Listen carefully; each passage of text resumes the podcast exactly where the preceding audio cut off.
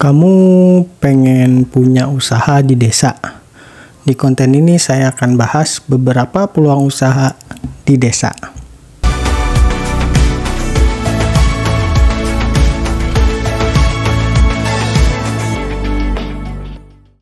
Halo, Haryo di sini ketemu lagi sama saya.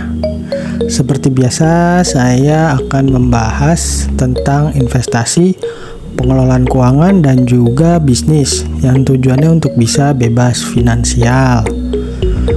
Kali ini saya akan membahas tentang peluang usaha di desa.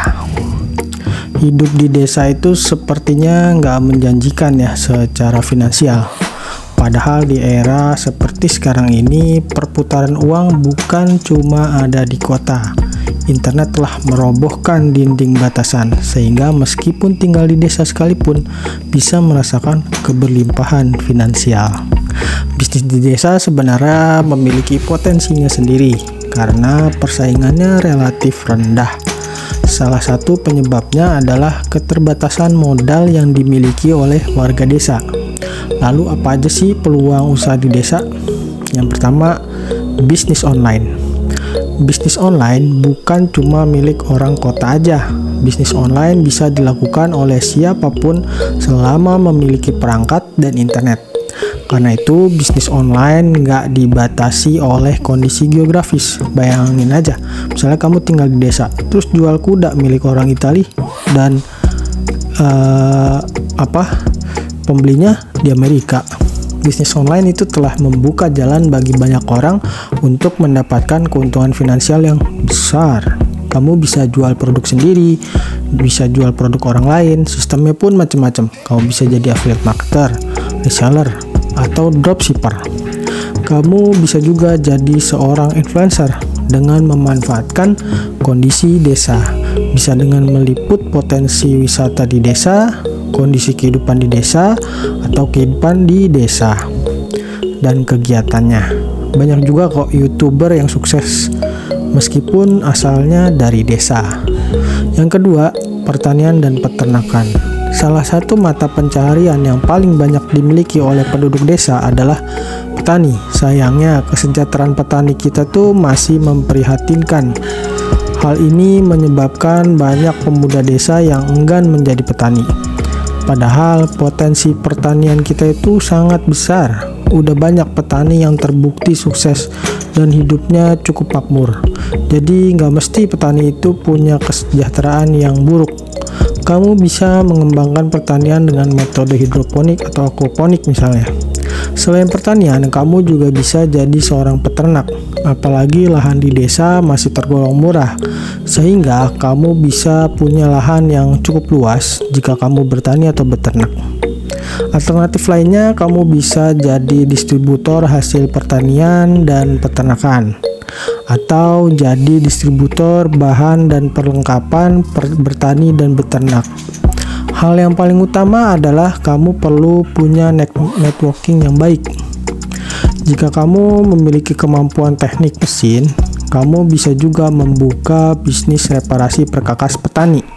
Apalagi petani sekarang kan udah banyak yang pakai mesin untuk garap sawahnya. Selain itu, kamu juga bisa mendirikan koperasi simpan pinjam. Namun, jangan terlalu berharap keuntungan yang besar Apalagi anggota kamu sebagian besar adalah petani dan peternak. Jika kamu memang ingin mendirikan koperasi simpan pinjam, maka tujuan utama yang harus kamu miliki adalah membantu para petani dan peternak. Yang ketiga, warung makan atau warung kopi. Jika kamu memang senang memasak dan memiliki sedikit bakat dalam masakan, kamu bisa bikin warung makan atau kamu juga bisa membuat warung kopi yang bukan cuma nyediain tempat untuk nikmatin kopi aja tapi juga nyediain tempat untuk ngobrol para penduduk desa.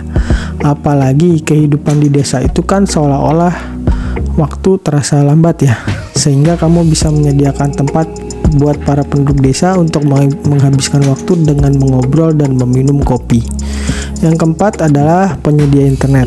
Kamu bisa uh, bikin warnet atau bikin tempat penyewaan akses WiFi atau bahkan jualan pulsa. Salah satu kendala yang dimiliki oleh desa biasanya infrastruktur dan infrastruktur itu salah satunya adalah internet. Kendala itu merupakan salah satu penyebabnya dan kemungkinan karena profit yang didapat oleh provider internet dipandang kurang optimal. Terlebih infrastruktur tiang menara memerlukan investasi yang cukup besar. Itulah sebabnya akses internet di desa itu kurang diperhatikan oleh para provider. Kondisi ini bisa jadiin peluang buat kamu untuk membuka bisnis di seputar penyediaan akses internet. Selain itu, kamu juga bisa bikin bisnis counter counter pulsa. Apalagi kalau penduduk desa di tempat kamu jarang banget mengakses marketplace, maka bisnis pulsa atau paket data bisa dikatakan cukup menjanjikan.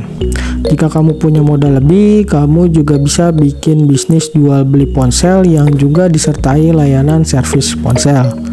Seperti yang kita tahu bahwa hampir semua orang itu sudah punya ponsel dan masih jarang toko ponsel yang ada di desa. Yang kelima, warung sembako bisnis ini cukup menjanjikan. Apalagi biasanya nggak ada minimarket yang eh, di yang di desa tuh nggak ada minimarket. Karena ada standar minimum yang harus dipenuhi kalau mau buka minimarket seperti jumlah orang yang lewat di calon target lokasi. Karena itu warung sembako cukup menjanjikan jika ingin dijadikan bisnis. Yang keenam SPBU mini. SPBU juga merupakan salah satu bisnis yang sulit ditemukan di desa Padahal sudah cukup banyak orang yang punya kendaraan bermotor. Kau bisa coba membuat bisnis SPBU mini, apalagi bensin saat ini menjadi kebutuhan pokok. Yang ketujuh, kerajinan. Banyak di desa, banyak desa di Indonesia yang memiliki kerajinan khas. Ada kerajinan tangan, juga kerajinan kayu.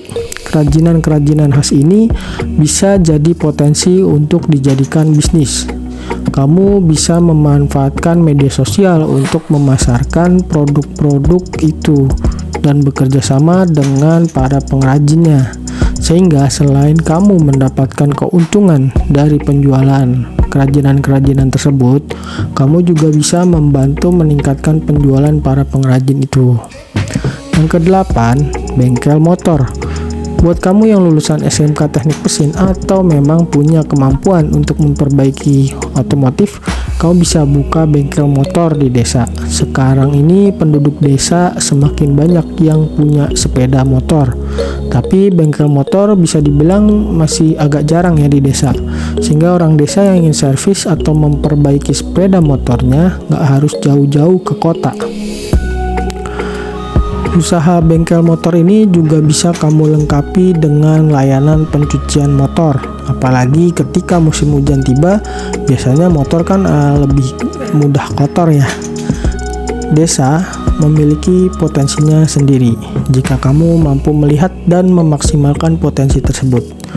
Kamu memiliki peluang untuk mendapatkan penghasilan yang besar dan tidak kalah dengan penghasilan di perkotaan Apalagi teknologi internet saat ini sudah semakin maju, dibantu dengan adanya media sosial tentunya. Maka nggak ada lagi istilah hidup di desa nggak bisa kaya. Oke, sampai di sini pembahasan tentang peluang usaha di desa. Sampai jumpa di konten berikutnya. Dah.